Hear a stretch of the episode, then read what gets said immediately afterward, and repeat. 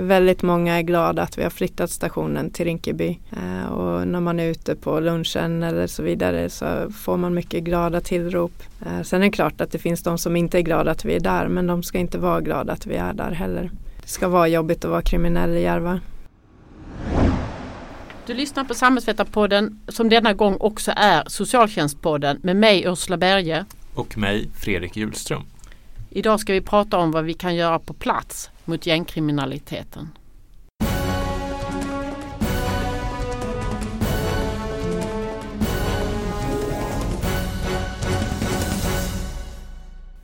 Hej och välkomna till Samhällsvetarpodden som denna gång också är en socialtjänstpodd som leds av mig Ursula Berge. Och Fredrik Hjulström. Vår gäst idag är Therese Skoglund Shekarabi som är kommunpolis på Järvafältet i Stockholm. Välkommen Therese! Ja men tack så mycket! Det är mycket i debatten och media nu som handlar om gängkriminalitet och lagförslag för att göra något åt det. Men mer sällan talas det om vad som kan göras lokalt och förebyggande där polisen såklart är en mycket viktig aktör. Så det tänkte vi att vi skulle prata med dig om här idag och du är ju kommunpolis på Järvafältet här i Stockholm där områden som beskrivs som utsatta eh, ligger som till exempel Rinkeby, Tensta och så vidare. För det första, vad är för och nackdelar med att polisen gör sådana här listor över utsatta områden? Ja, nej men en fördel kan ju vara att kommuner och stadsdelar kan rikta sina medel mer tydligt. Eh, men det finns ju såklart nackdelar också att man kan eh, känna att området blir mer stigmatiserat och eh, jag som kommunpolis jobbar ju mycket med metodstödet som vi kallar det för att ta fram underlag för de här områdena. Eh, och vi har faktiskt en diskussion just nu med NOA, vår nationella avdelning, för att kanske förändra indelningarna lite grann så att de blir mer användarvänliga. Vi har ju två särskilt utsatta områden där jag jobbar. Eh, Rinkeby, Tensta och Husby. Och vi tycker att eh, de tre kanske skulle vara för sig till att börja med. Rinkeby och Tensta är ju ett väldigt stort område som man klumpar ihop i Stockholm. När du säger att det finns en fördel i att man kan pola resurser till sådana områden. Jag får intrycket av att polisen gör det. Upplever du att andra myndighetsföreträdare och kommun till exempel gör det? Ja men det gör man eh, och det har man gjort en längre tid. Men skillnaden hur vi jobbar idag mot för 5-10 år sedan är att idag jobbar vi mer tillsammans. Och tidigare så upplevde jag det som att vi hade mer stuprör mellan oss eh, framförallt polis och stadsdel och staden. Eh, här i Stockholm så har vi ju två nivåer. Jag har ju två stadsdelar, Spånga-Tensta och Rinkeby-Kista och sen Stockholms stad. Eh, och de här gick inte alltid i samklang med varandra och det är inte alltid man gör det idag heller men jag upplever att det ändå är större, större samsyn. Vi har exempelvis en överenskommelse idag med två stadsdelsområden vilket tidigare var två separata. Eh, Medan vi har en, ett lokalpolisområde och det här gör att det underlättar väldigt mycket för oss att prioritera. Beskriv, du, du talar om ett metodstöd och så vidare. Beskriv hur du upplever att polisen har prioriterat eh, ditt område på sistone. Ja, men vi är ju en större resurs i de områden där det finns utsatta områden. Eh, till att börja med en större grundbemanning. Eh, men vi kan ju också se om man tittar nationellt att Stockholmsregionen släpar lite vad gäller resurs och resultat. Ehm, när man tittar på Region Väst och Region Syd så går det så att säga bättre. Man har, upplever vi, fått ett bättre grepp kring skjutningarna och sprängningarna och mm, i varje fall stoppat in utvecklingen medan vi i Region Stockholm inte är där. Och det beror bland annat på att man har man har ökat resursen i syd och i väst medan vi i Stockholm har tappat eh, framförallt på polissidan. Och är det en prioriteringsfråga eller är det en reell personalbristfråga? Eh, både och. Det är både kopplat till ekonomi i Stockholm men det är också kopplat till poliser. Det går inte att trolla fram poliser utan det tar ju tid och just nu har man svårt att fylla utbildningarna. Eh, och man ser över det här hela tiden och försöker att styra resursen mot Stockholm. Men som sagt, det är lite kvar. Du var inne lite på de här samverkansfrågorna med, med kommuner och eh, där ingår ju både socialtjänsten och, och skolan. Och det är ju Många har ju pratat under en lång tid om att samverkan mellan skola, polis och socialtjänst är en nyckelfaktor för att bekämpa eh, gängkriminalitet eller kriminalitet bland unga människor överhuvudtaget. Så, eh, vad är din bild? Funkar det som det är för er idag? Den samverkan? Ja, men I det stora hela som jag var inne på, vi har ju tagit fram den här överenskommelsen tillsammans med staden, stadsdelarna och utbildningsförvaltningen. Eh, och skolan är den pusselbiten som har saknats i tidigare överenskommelser. De har inte varit med lika tydligt som nu. Eh, och eh, den forskning som finns säger ju att om man har klarat nian, det är en av de största skyddsfaktorerna man kan ha för att inte dras in i nyrekrytering. Eh, och vi brukar prata om insocialisering i Järvaområdet. Att de unga insocialiseras i kriminalitet. Det är inte så att man från en dag till en annan så går man med i ett gäng och man får en väst och sen är man en medlem utan man växer upp i ett område som är fullt av risker. Eh, en ungdom beskrev det för mig som att det är som att vara alkoholist och gå runt i ett systembolag en hel dag. Från att du lämnar hemmet så mm, finns det både säljare, sådana som röker på i trappuppgången, på väg till tunnelbanan, utanför skolan, på torget och så vidare.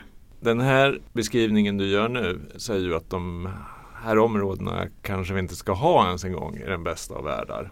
Det finns amerikanska modeller där man har, har flyttat på individer från de här områdena och, och försökt att gjort om på det sättet eh, för att man ska minska risken och, och flytta familjer till, ja, till andra socioekonomiska områden. Är det några tankar som, som ni har i polisen att det skulle kunna vara ett effektivt arbetssätt? Ja, nu styr ju inte polisen riktigt över, över inflyttningen i områdena men det är klart att vi ser att det är en väldigt försvårande omständighet att det är sån hög koncentration av, eh, av människor som varken arbetar eller studerar och eh, där många människor har stora problem på samma yta. Vi brukar prata om att Rinkeby har en genomströmningstid eh, som är väldigt kort. Att när det börjar fungera, när man börjar plugga eller jobba så flyttar man ifrån området och kvar blir så att säga de som inte har möjlighet att flytta. Eh, blandat med nya som, som kommer in i området som också har stora problem. Så absolut. Men en arbetsmetod som vi använde oss av under förra årets eh, våldsvåg där vi hade ett stort antal skjutningar Eh, då jobbade vi väldigt nära med socialtjänsten i bägge stadsdelarna och gjorde just det som du pratar om, flyttade individer på frivillig basis. Inte vi utan socialtjänsten uppmanade på vår inrådan familjer att flytta för att sönerna i klartext riskerade att skjuta eller skjutas inom närtid. Ehm, och vi såg väldigt goda resultat av det. Eh, och det kunde vara kortare perioder men också längre perioder. Samverkan mellan er, det är ju, det är ju någonting som drar resurser. Eh, för det går åt till möten och man ska på olika sätt få insatser och koppla i varandra. Hur mycket av, av samverkansproblemen som finns hos er ser du en resursfråga? Men just nu ganska stor skulle jag säga. Som sagt under den här insatsen som kallas för Portia som var förra hösten så jobbade vi väldigt nära Eh, och i samband med det så flyttade också socialtjänsten in i polishuset och har mannat upp nu så att vi har en daglig samverkan med socialtjänsten från bägge stadsdelarna i polishuset. Eh, och det har inte varit friktionsfritt. Det har varit en ganska tuff resa men idag så fungerar det väldigt, väldigt bra. Men det har tagit sin tid. Eh, och det handlar ju om att förstå att vi är olika myndigheter, vi har olika mål med verksamheten. Ibland samma mål men vi har olika vägar dit. Eh, och att vi respekterar varandras uppdrag. Sen kan det finnas frustration emellan oss men det har också varit en, eh, en utveckling för oss poliser att se okej okay, vi kan inte skriva så här dåliga SOL 14 anmälningar och tro att socialtjänsten ska kunna plocka bort ungdomar i klartext som vi ofta vill. Att, ja, men varför plockar de inte honom bara? De ser ju, de två äldre bröderna har ju gått den här vägen. De måste ju kunna förstå det här. Jag har ju skrivit en SOL 14. Eh, medan man kräver ett mycket större underlag såklart. Eh, och där har vi fått göra en resa eh, och blivit bättre. Man pratar också om att sekretess är en, en sån här fråga som är knepig i kontakten mellan framförallt polis och socialtjänst. Så, eh, upplever ni det som ett problem eller är det överkomligt idag? Det finns problem absolut. Um, men det är mycket som du säger, ju mer man jobbar med frågan och ju mer man samverkar ju mer vågar man också prata om på rätt sätt. Um, och jag upplever att de som är nya eh, nyutexade socialtjänsthandläggarna eh, är väldigt, väldigt försiktiga eh, och uppskrämda mer eller mindre. Men alltså, har man jobbat ett tag och är mer erfaren så, så brukar det där lösa sig. Eh, och med skolan och polisen, vi har ju en eh, lägre sekretess emellan oss. Så där vi brukar så att säga kroka arm och sen så hamnar socialtjänsten lite vid sidan av. Eh, men jag tycker att vi jobbar för att komma ifrån det eh, mer och mer. Så dels skulle man nog vilja ändra lite i lagen men framförallt så handlar det om förhållningssätt och hur man tolkar den lag som faktiskt finns. Ja, det kan man väl säga till om det är någon annan lyssnare som eh, Brå kom ju med ett väldigt bra eh, kunskapsunderlag under i våras var det. Jag tänkte säga vi är på 22, vi är på 21 fortfarande. Eh, så det kan man ju titta efter om man har frågor vad gäller det där samverkan mellan de huvudmännen. Jag tänkte ställa en fråga, jag som inte jobbar dagligdags med det här. Den här överenskommelsen som, som du pratar om som ni har lokalt och där skolan nu ingår. Kan du inte beskriva mm, de viktigaste delarna av den? Ja, det som är kanske det bästa med den är att vi tog fram den tillsammans med alla parterna och då utgick vi från våra olika lägesbilder, la dem tillsammans och tittade på, okej, okay, vi har alla samma gemensamma mål. Vi vill inte att något av våra områden i våra två stadsdelar ska vara utsatt överhuvudtaget. Och hur ska vi nå dit? Eh, även om vi polisen skulle göra precis allting rätt så kommer vi inte att nå målen för vi behöver ha skola och socialtjänst med oss. Och här är ju även trafikkontoret och andra tunga aktörer med. Eh, men det som var kanske häftigaste var att vi har faktiskt ganska liknande problembild. Och utifrån den så tog vi fram fyra prioriteringar som är de absolut viktigaste. Eh, och där är kriminella konflikter. Och det är ju ganska uppenbart i och med att eh, vi har väldigt stort antal skjutningar i, i området. Vi räknar dagar då vi inte har skjutningar och man vågar knappt säga det men nu är vi inne i en något lugnare period. Eh, och med det är att vi inte haft en skjutning på tre månader. Ehm, vi snittar annars en, två skjutningar i månaden.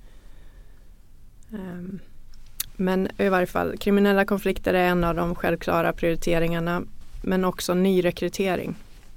Eh, och den var viktig att ha separat, framförallt för oss poliser. För vi blir lätt operativa och går in i och jobbar mot de som vi kan lagföra och de som är så att säga de tunga aktörerna. Men vi behöver jobba mycket mer förebyggande om i yngre åldrar. Eh, och där har inte vi bäst verktyg men det kanske är vi som ser de här ungdomarna. Ehm, och sen har vi otillåten påverkan och det är också en jätteviktig fråga att jobba med för att komma ifrån eh, utsatta områden. Och det kan vara allt ifrån att man försöker påverka sin lärare att sätta ett annat betyg. Eh, att man hotar att byta skola. Ehm, att man hotar poliser att vidta eller inte vidta eh, olika tjänsteåtgärder men alla tjänstemän egentligen. Ehm, och mycket kopplat till fastighetsägare hos oss. Näringsidkare har det tufft. Ehm, och det fjärde området är brottsutsatta otrygga platser. Och där jobbar vi i tät samverkan med, med stadsdelen, trafikkontoret, civilsamhället men också fastighetsägare att göra den yttre miljön, den situationella bättre. Men vi har också sociala delar där såklart. Men de fyra prioriteringarna jobbar vi med. Hur tänker du att den här samsynen den här prioriteringen ni gör, hur långt räcker den eller vad skulle behövas ytterligare? Nej, men man kan alltid säga att allt går att göras bättre. Nu kom ju Corona mitt i när vi stod i startgroparna och alla var jättetaggade att köra igång. Um, och det är inte riktigt samma sak att jobba med samverkan med digitala möten.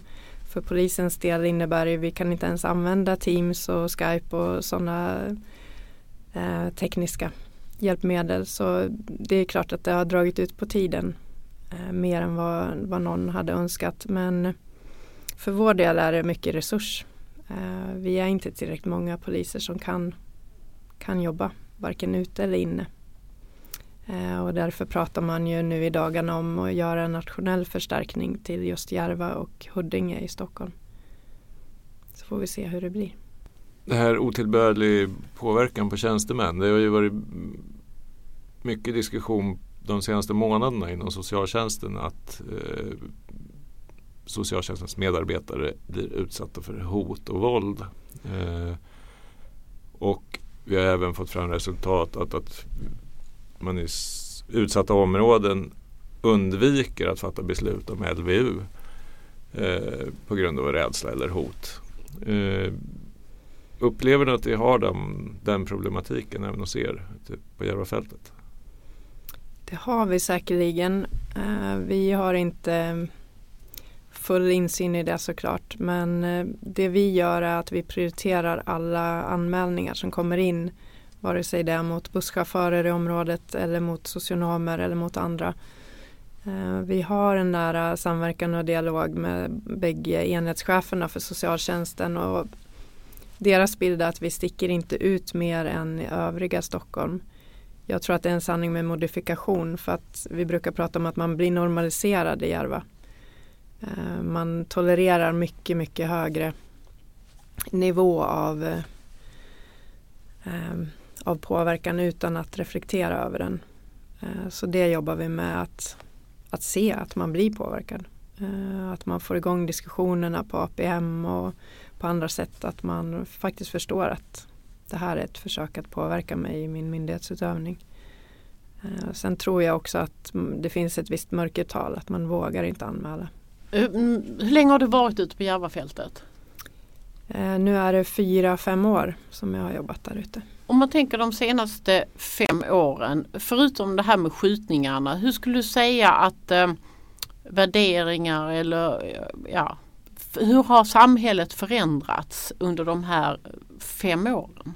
Jag brukar säga när jag är ute och pratar för, för nämnden eller för andra öppna möten att brottsligheten i stort minskar eh, i nästan alla brottskategorier.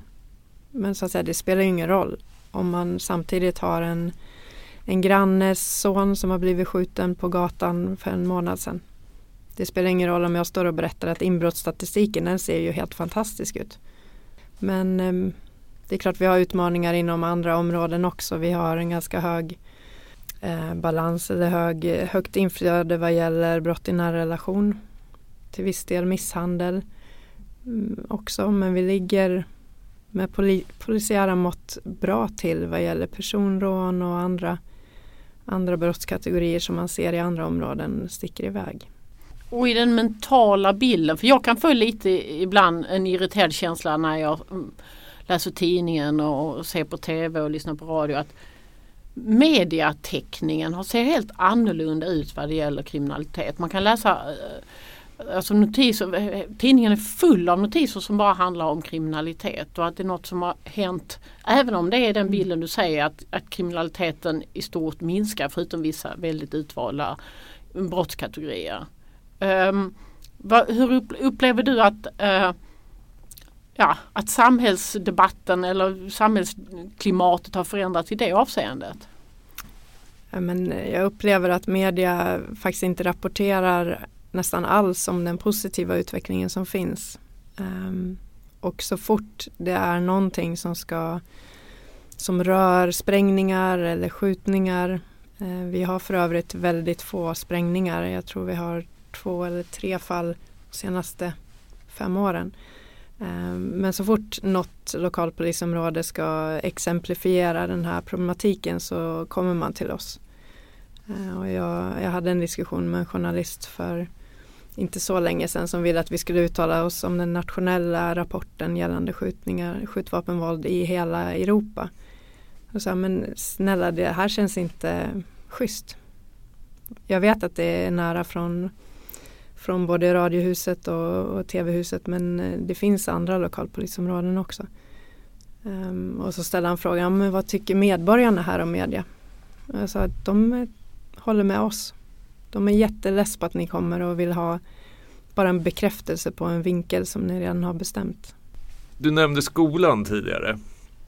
Eh, att den är en nyckelfaktor och sådär. Och att du också sagt att, att ni eh, har en väl fungerande relation till skolan. Att ni har en liknande sekretess och så vidare. Att, eh, vi hade ju Filipe Estrada här som gäst för någon månad sedan. Eh, och han betonade ju verkligen att, att skolan är ja, central för att komma till rätta med, med kriminaliteten.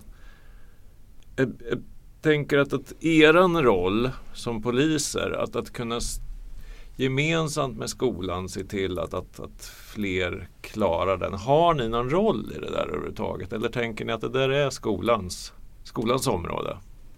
Ja men både och. Alltså skolan ska ju få göra det skolan är bra på. Skolan ska se till att eleverna klarar utbildningen och att de får rätt möjligheter.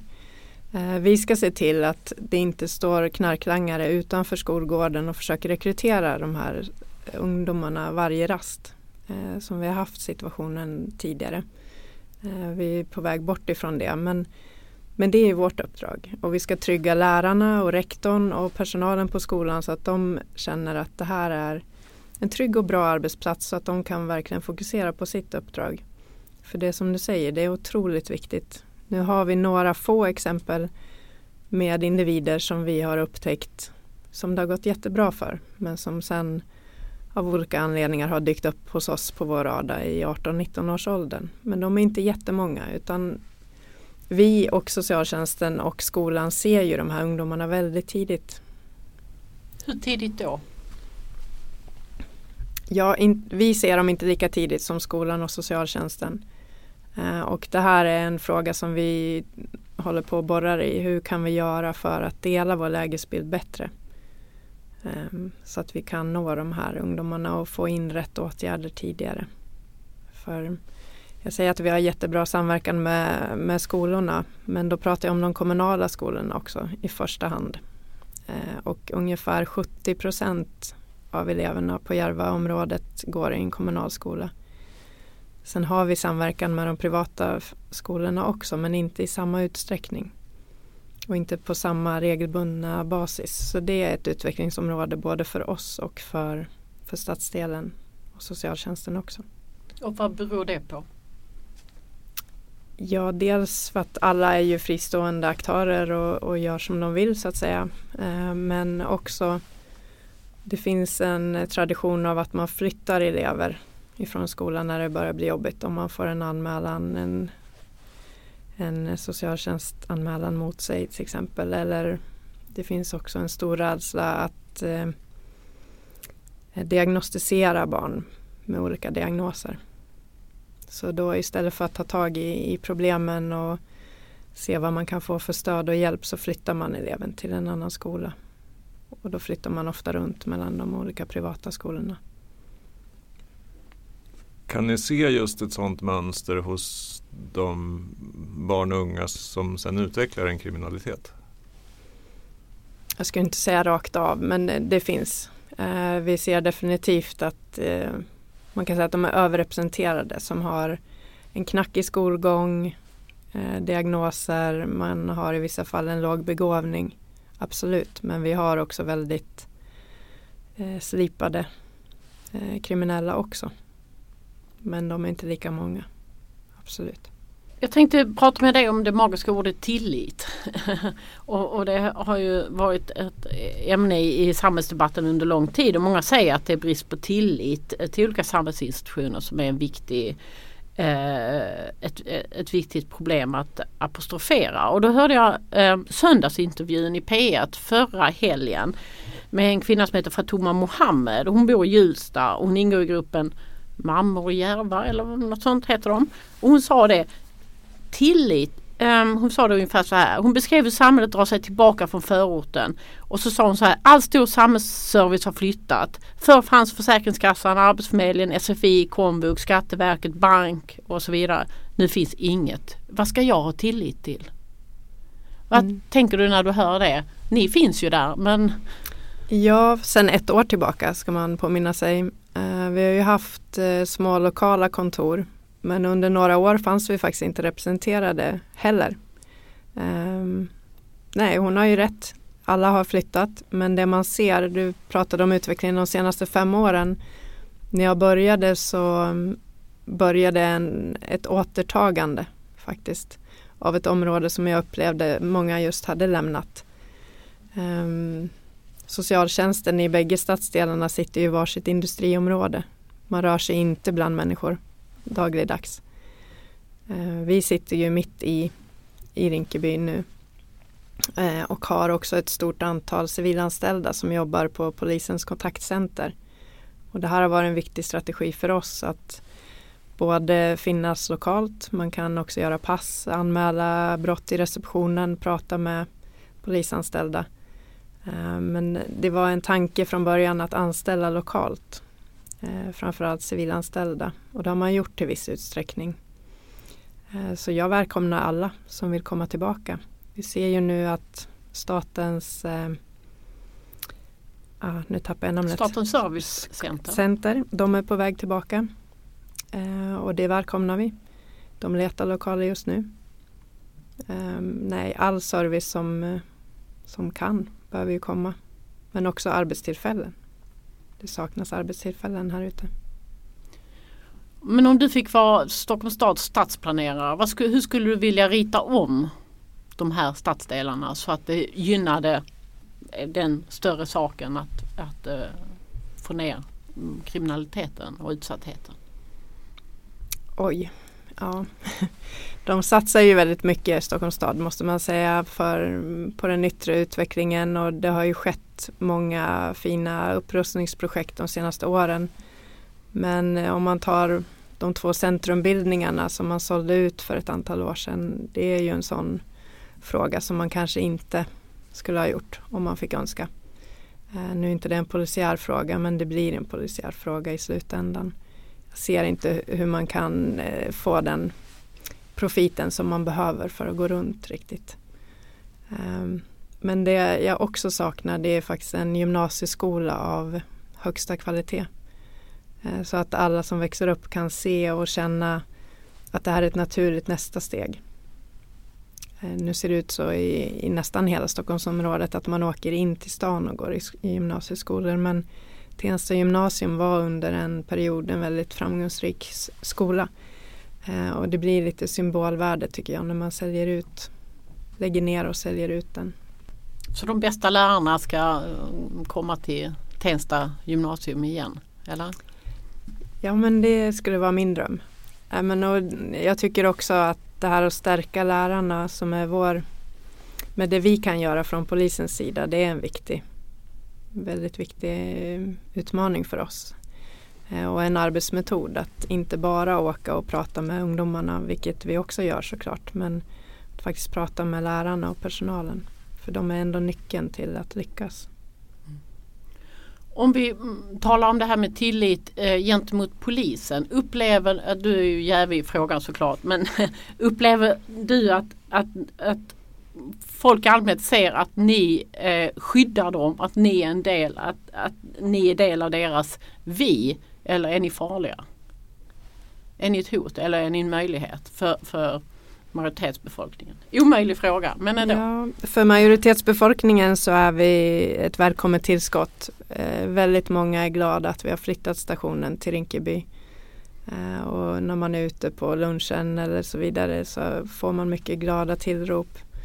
Eh, sen är det klart att det finns de som inte är glada att vi är där men de ska inte vara glada att vi är där heller. Det ska vara jobbigt att vara kriminell i Järva. Um, sen är det här med tillit en jättesvår fråga. Uh, och vi har haft problem med vår interna kultur också. Det är ju en väldigt ansträngd arbetsmiljö för våra unga kollegor som kommer ut. Uh, jag har själv jobbat i snart 15 år men det finns de som har jobbat i Järva i kanske två år och varit på tiotalet skjutningar Eh, och bokstavligen talat haft människor döendes i sina armar och det, det är klart att det sätter spår hur man jobbar vidare och man bygger på sig ryggsäckar. Så alla våra fordonsstopp till exempel kanske inte blir, blir helt korrekta För att man, man är nervös, man har en väldigt hög väldigt högt säkerhetstänk och har svårt att varva ner emellan jobben. Det här är ett mönster som är gemensamt framförallt med socialtjänsten att eh, de minst erfarna är de som jobbar i de mest utsatta och svåra områdena. Vilket ju verkligen inte gagnar varken de som, som jobbar där eller de man är, är satt att, att eh, lösa uppgifter för. Eh, har du några tankar vad man ska göra åt den frågan? För den har ju sysselsatt mig ganska mycket vad gäller socialtjänsten. Ja, men det, jag har ju varit fackligt aktiv och och ehm, då drev vi mycket frågan att eh, höja lönen för eh, personalen i yttre tjänst. Men också arbetsvillkoren så att man orkar jobba kvar i tre skift eh, när man blir äldre och kanske har barn och kanske har barn varannan vecka. Att man också har en förståelse för det som arbetsgivare. Att man kan, man kan få jobba eh, tre skift en vecka och en vecka kanske man kan få jobba inne och jobba med utredningar eller någonting annat. Ehm, det fanns också tidigare gubblistor och gumlistor. Att när man eh, eh, till exempel var över 50 så fick man undantag från att jobba helnätter. Det är inte jättelätt att jobba till 07 när man, ju äldre man blir och vända dygnet till exempel. Ehm, jag tror att man måste börja titta på lite okonventionella lösningar för att få oss lite äldre att jobba ute, om inte heltid men, men till viss del. Vad är en bra dag på ditt jobb utifrån att förebygga kriminalitet? När du åker hem och känner att ja, men, det här gick åt rätt håll, det här var en bra sak. Vad är det? Ja, men det som ger väldigt mycket energi och jobba i Järva. Många säger så här, men hur kan du orka jobba där? Det är ju bara elände och långa arbetsdagar och mycket problem. Eh, det är ju de här medborgarmötena när man känner att man har träffat Fatima och hennes eh, kompisar från olika föräldraföreningar. Eh, vi har någonting som vi kallar för medborgarråd som är lokalpolischefens forum att möta representanter från civilsamhället. Eh, innan de här kvällsmötena så brukar man känna sig ganska sliten men när man går därifrån så tänker man att yes, vi, vi kan ju vända det här. Vi är ju många goda krafter. Mm. Namnge vilka, eller namnge ska jag säga, men, men specificera vilka, vilka är de goda krafterna? Om det här ska bli någon skillnad, vilka är det som eh, du tror mest på? Men jag tror att det är ett lagarbete att vi alla måste flytta fram positionerna och tänka lite annorlunda. Eh, om vi gör saker som vi alltid har gjort så får vi samma resultat. Ehm, så där känns det som att vi håller på att hitta och utmanar oss lite i samverkan med just skola och socialtjänsten. att Okej, okay, vi börjar ta steg framåt och vi tycker det funkar ganska okej. Okay, men vi får ju fortfarande inte de resultaten vi vill ha. Eh, så vad behöver vi göra annorlunda? Vad behöver vi göra mindre av? Vad behöver vi göra mer av? Eh, var lite modiga. Eh, och där hoppas jag och tror att vi faktiskt ligger i framkant. Det kommer att hända en del spännande saker nästa år som vi jobbar med nu som jag tror kan bli nyttiga. Även om de är lite jobbiga också. I media har man ju sett det här uppropet mammor i Järva. Vad tänker du runt det uppropet? Äntligen. Vi var jätteglada faktiskt. Vad spelar mammor för roll i det här? Men jättestor roll. Föräldrar överhuvudtaget, även papporna spelar en jättestor roll. Även om de är färre till antalet så har vi faktiskt sett ett antal pappor som också engagerat sig. Eh, och vi har lite nästan väntat att de ska komma och storma polishuset och säga att vi vill hjälpa till. Nu räcker det, det här är, är nog. Okej, och om de stormar inom citationstecken polishuset, vad, vad, vad händer då? Vad vill du ska hända? Nej men eh, just det som faktiskt hände. Vi hjälpte dem, vi följde med in till Mynttorget och var delaktiga i demonstrationen och eh, eh, den första demonstrationen som man höll och många blev ju väldigt överraskade när de klev av bussar och tåg och sen så mötte de sina lokalpoliser där inne. Blandat med, med citypoliser och de, det var uppskattat. Sen var vi där för att hålla ordning såklart men för att de ska få framföra sina budskap och för att fler ska få upp ögonen för vad som händer i Järva. Eh, som jag sa, många, media skriver ju negativt men jag har också varit med om flera händelser där unga pojkar har skjutits till döds och jag inte ens har hittat en notis i tidningen att det har hänt. Det är fruktansvärt. Många talar om civilsamhället också som en viktig aktör eller kanske, kanske specifikt tr olika trossamfund, idrottsklubbar. Vad tänker du runt eh, sådana delar av civilsamhället? Ja, men som jag sa, civilsamhället är en jätteviktig aktör för oss och vi jobbar väldigt nära civilsamhället. Eh, både med samfunden, vi har ju alla samfund hos oss i princip. Vilket är väldigt häftigt. Vi har ju alla möjliga religioner och alla möjliga folkslag. Eh, det finns också väldigt många etniska föreningar. Eh, men framförallt eh, IKC som är en moské som samlar många från den somaliska befolkningen i Rinkeby mm, har vi väldigt nära och fin samverkan med. Så jag brukar skoja och säga att ja, men det är väl inget problem att jobba i Järva om jag vill ha hjälp. Det börjar bli oroligt ute. Uh, ungdomarna börjar och känna som att det kanske händer någonting på stan. Då ringer jag till imamen eller går över och pratar med honom och säger att du nu är vi oroliga här inför helgen. Kan ni manna upp med nattvandrare och, och hjälpa oss? Ja, visst, så går han ut i fredagsbönen och sen så går de ut i sina kanaler och sen har vi hundra mammor och pappor som kommer och hjälper oss. Eh, och den situationen har vi ju inte i andra stadsdelar Jag kan bara tänka mig om jag skulle jobba i Bromma och gick ut och sa att snälla kom och hjälp mig på fredag klockan sju så skulle de flesta säga att ja, men du, jag betalar skatt, jag har mitt fredagsvin här framför mig.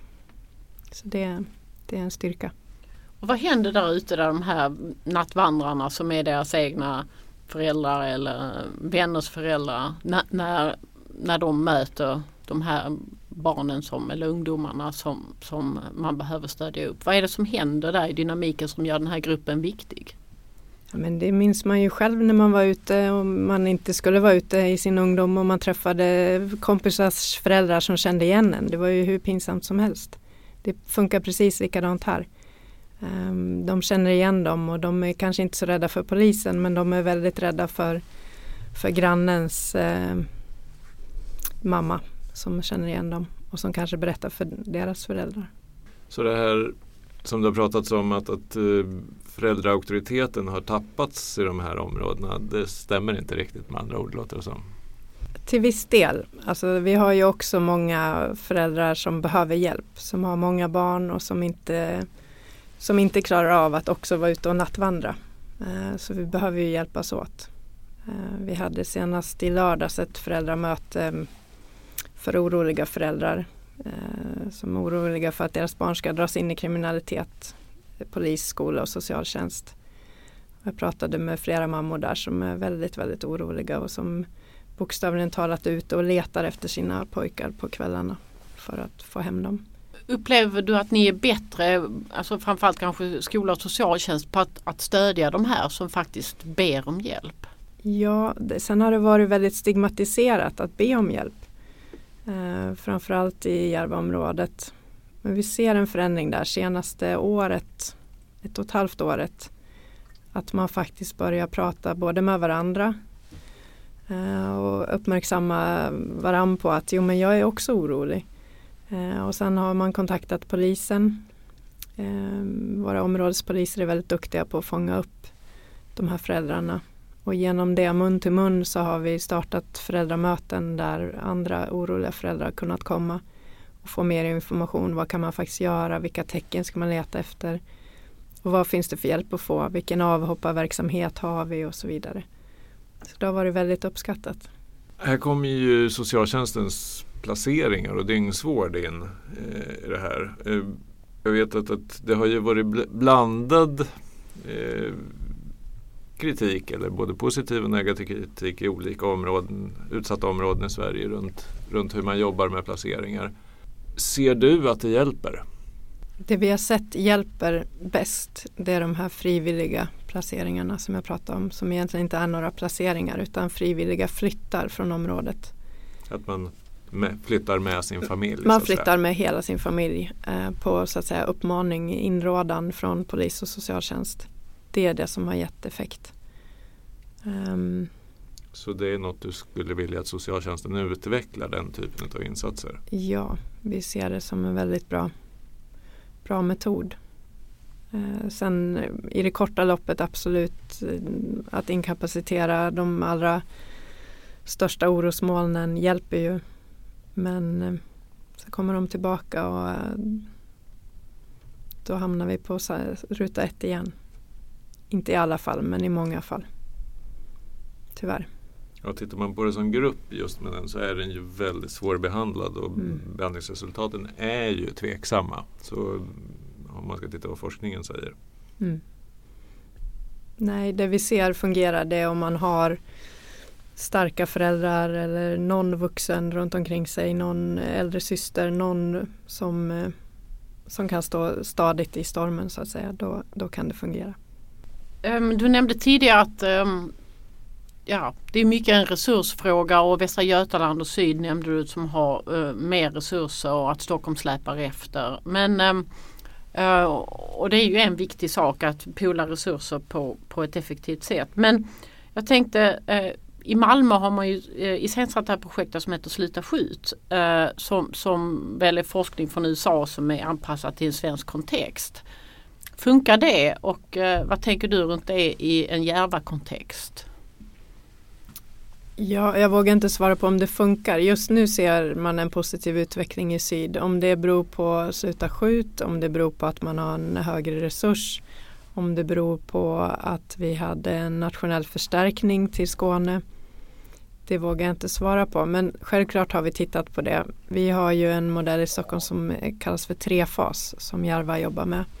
Som är eh, ett samverkansprojekt mellan polis, frivården och eh, kriminalvården. Eh, och, det, eh, och socialtjänsten menar jag i Stockholms stad. Eh, men det är oerhört svårt att mäta resultat.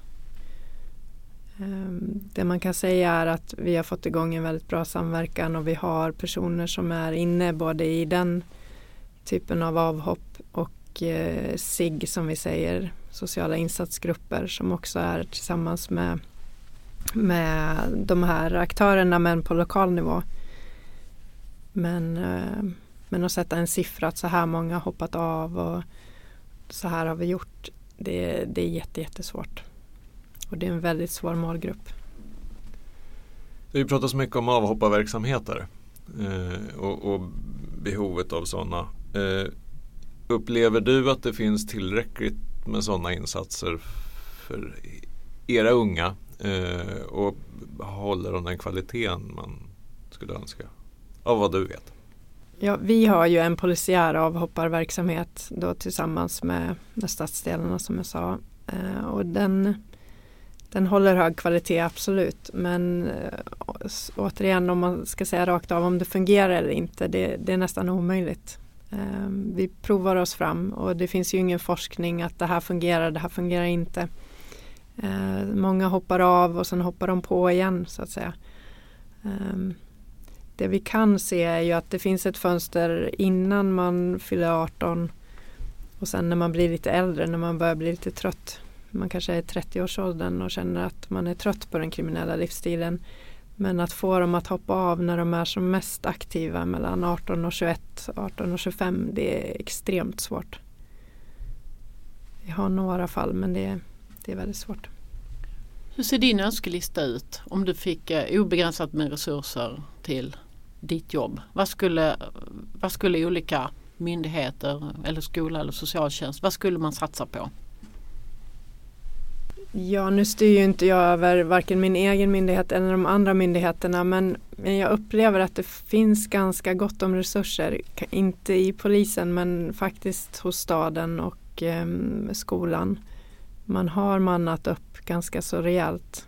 Eh, både eh, med stöd kring eh, klasserna exempelvis. Med kuratorer, med hjälplärare så att lärarna ska få jobba mer ostört. Det tror jag är en bra utveckling. Eh, sen skulle jag ju vilja ha fler poliser såklart i Järva och i Stockholm. Och kanske mer blandad målgrupp i skolan? Från eh, alla möjliga stadsdelar, eller? Ja, det är ju en fråga på längre sikt men, men absolut när man har de utmaningarna som många av skolorna i Järva har, att man inte har några elever som har eh, svensk bakgrund som pratar svenska hemma så har man en, en väldig uppförsbacke. Eh, och den går ju också ner i att vi har färre andel barn som läser eh, eller som går på förskola. Redan där så ser man att de är inte förberedda för skolverksamheten på samma sätt som barn som har gått i förskola. Eh, så ett väldigt viktigt steg eh, har ju varit att förskoleklassen har blivit obligatorisk.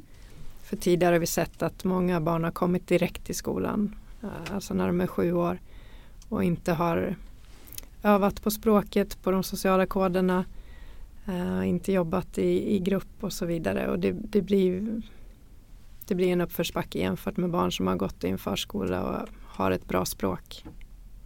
Så språket är ju kanske det viktigaste. Det vi har pratat om här idag handlar väldigt mycket om hur man ska få ner um, kriminaliteten bland unga och gängkriminaliteten och så vidare. Och det du har nämnt, alla de här sakerna, det hör man ju sällan i media eller debatten. Vad tänker du runt det? Att det är så olika, det är två helt olika debatter som förs.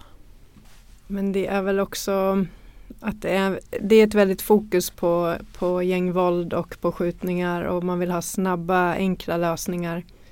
Eh, det har ju tagit väldigt lång tid för oss att hamna i det här läget som vi är i nu som är väldigt allvarligt och det kommer ta tid att ta oss härifrån också. Det är ingenting, vi kommer inte se resultat om ett år och kanske inte om fem år heller, tio år kanske. Ehm, och ha det tålamodet. Om man bara tänker här i Stockholm där vi byter politisk majoritet var fjärde år. Eh, och ehm, till skillnad från eh, stadsdelarna så är inte vi så politiskt styrda.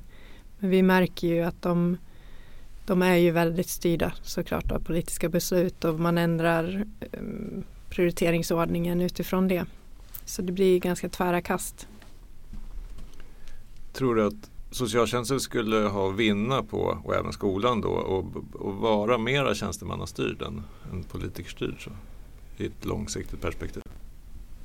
Jag tror det, så länge vi inte har väldigt modiga politiker som vågar säga att ja, vi kommer ha ett jättedåligt resultat nästa år och det råkar vara valår.